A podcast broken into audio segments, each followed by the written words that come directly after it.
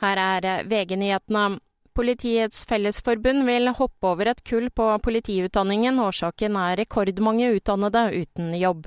I fjor fikk bare fire av nesten 400 nyutdannede fast jobb, og halvparten er uten arbeid, noe som ifølge forbundet kan øke til 900 i juni. I 2023 måtte ni av tolv politidistrikt nedbemanne, mens regjeringen nylig lovet en varig budsjettøkning på 635 millioner kroner. Politihøgskolen sier til TV 2 at de deler bekymringen, men vil ikke sette utdanningen på vent. Reporter Frode Sti.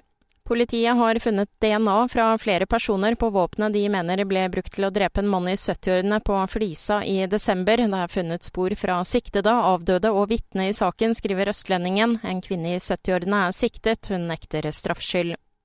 Britiske myndigheter har beslaglagt 5,7 tonn kokain på et havneanlegg i Sør-England. Det skal være landets største kokainbeslag noensinne. Den anslåtte verdien er på 450 millioner pund, i overkant av 5,9 milliarder kroner. Seks personer er husløse etter at en tomannsbolig i Busterudkleiva i Halden ble ødelagt i en brann i natt. To personer ble sjekket for røykskader. I studio Kristin Strand, nyhetene får du alltid på VG.